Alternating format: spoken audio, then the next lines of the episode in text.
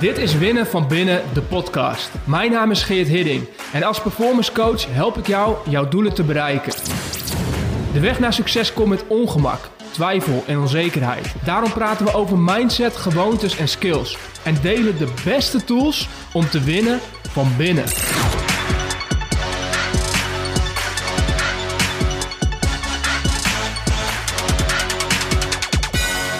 En we zijn allemaal wel bekend met het fenomeen uitstelgedrag. je weet dat iets goed is om te doen.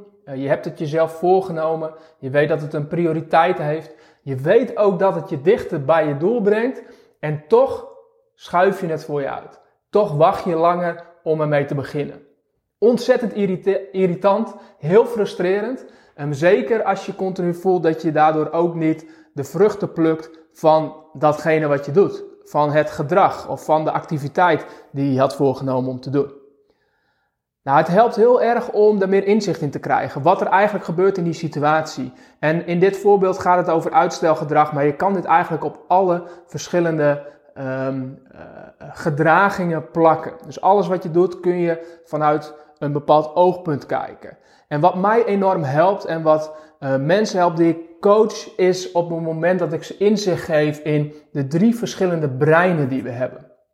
En misschien denk je nu, drie verschillende breinen, waar heb je het over? We hebben maar één brein. Maar dat is het mooie. Er zijn eigenlijk drie verschillende delen van ons brein. uiteindelijk is het natuurlijk één geheel. Maar er zijn wel drie verschillende soorten, verschillende breinen die samenwerken als één geheel. En als je nog niet bekend bent met het verschil tussen die drie breinen, uh, is het veel moeilijker om antwoord te geven op de vraag waarom doe je wat je doet en daarmee dus ook je gedrag te veranderen. En in deze korte voice note geef ik je uh, inzicht in die drie verschillende breinen. En het eerste brein, het oudste brein die we hebben, uh, en waar je ongetwijfeld ook regelmatig mee te maken hebt gehad, is ons reptiele brein. Dit noemen ze ook wel de beveiliger. Want dit is het domein van overleven en voorplanting. Deze heeft veiligheid als nummer 1.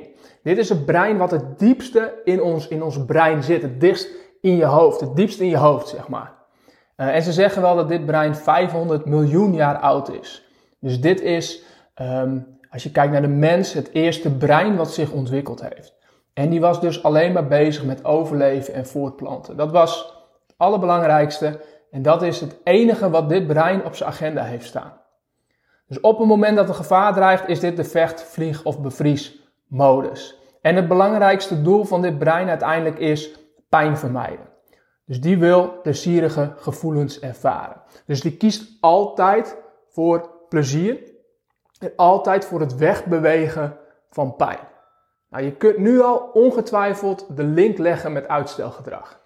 Als je uitstelgedrag vertoont, dan is de grote kans dat jouw reptiele brein aan is gegaan en dat die gevaar ziet in de taak of de activiteit die jij je hebt voorgenomen om te doen. Ook al weet je dat iets misschien goed is om te doen, dit brein gaat aan op het moment dat hij denkt er dreigt gevaar. En een van de grote gevaren die er dreigen is sociale uitsluiting. Dus dat we niet bij de groep horen. Dat we ons niet conformeren. Want vroeger, zo'n 500 miljoen jaar geleden, betekende namelijk ook dat als je niet bij de groep hoorde, dat je overleed, dat je doodging. Dan redde je het niet. Dus nummer één prioriteit voor dit brein is op het moment dat het dreigt dat je buiten de groep gaat vallen, ga deze op de rem trappen en ga deze zorgen dat je iets beter niet kunt gaan doen. Dus dat kan betekenen dat je een presentatie uitstelt of misschien zelfs het voorbereiden op je presentatie uitstelt omdat dit brein aangaat en denkt er dreigt gevaar. Vervolgens, het tweede brein wat we hebben ontwikkeld, die is wat minder oud, die is daarna gekomen. Dus na het reptiele brein zijn we door blijven ontwikkelen uh, en kwam het zoogdierenbrein uiteindelijk tot ontwikkeling. Dit was zo'n 200 miljoen jaar oud is die inmiddels en dit noemen ze ook wel de emotionele connector.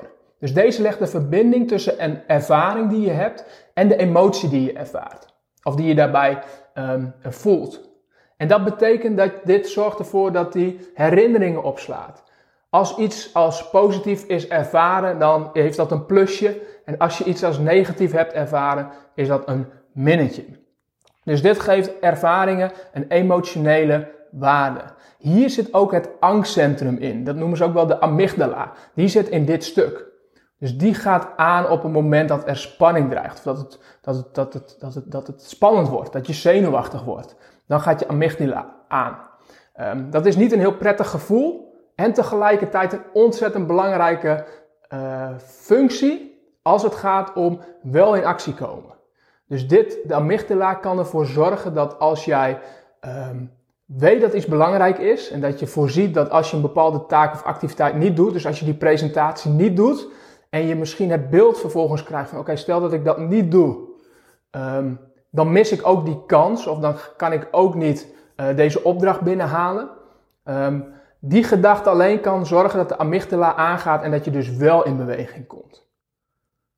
En tegelijkertijd kan die amygdala er ook voor zorgen dat je uh, niet in beweging komt, omdat hij het idee heeft van hey, um, pas op, pas op, dit is, niet, uh, dit is niet veilig genoeg. Dus als de amygdala zich niet veilig voelt, als dit deel van, van het brein zich niet veilig voelt, is de kans groot dat je gaat uitstellen, afwachten en niet in beweging komt.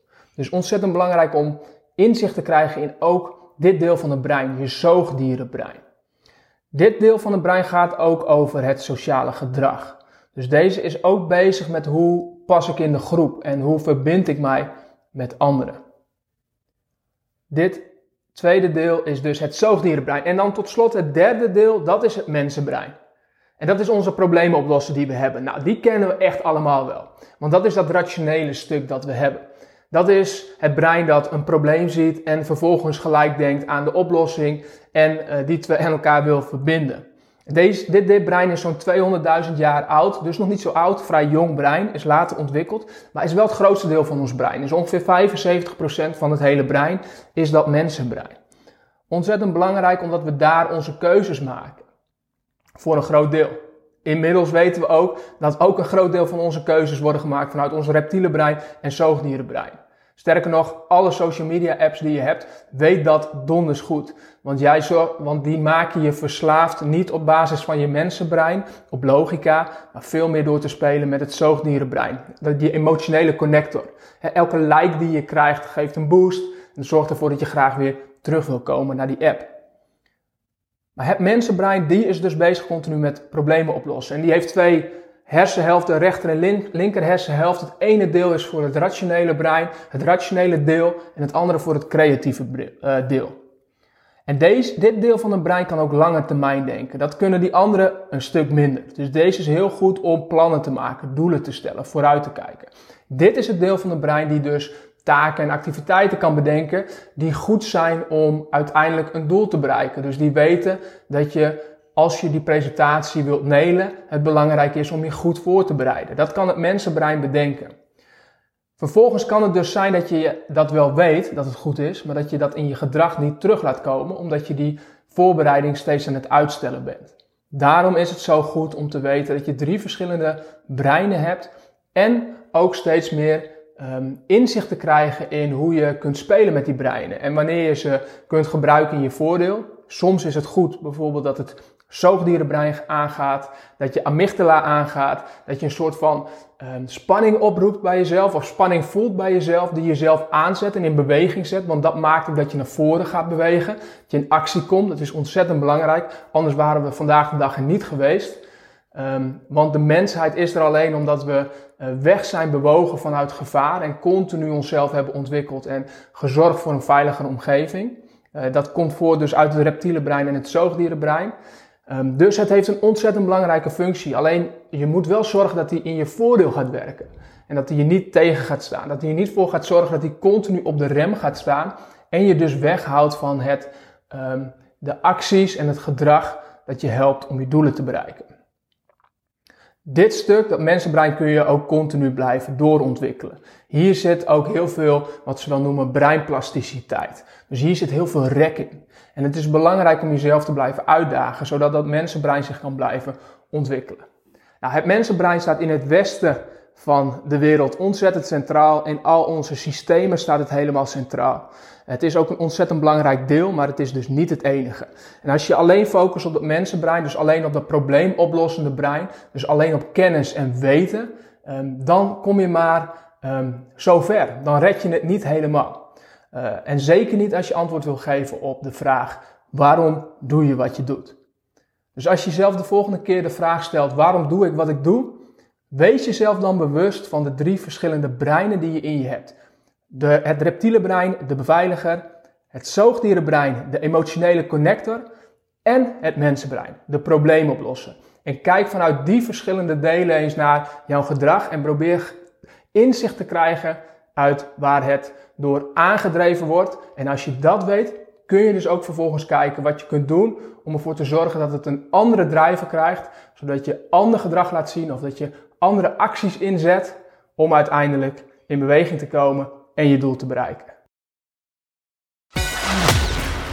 Thanks voor het luisteren naar Winnen van Binnen, de podcast.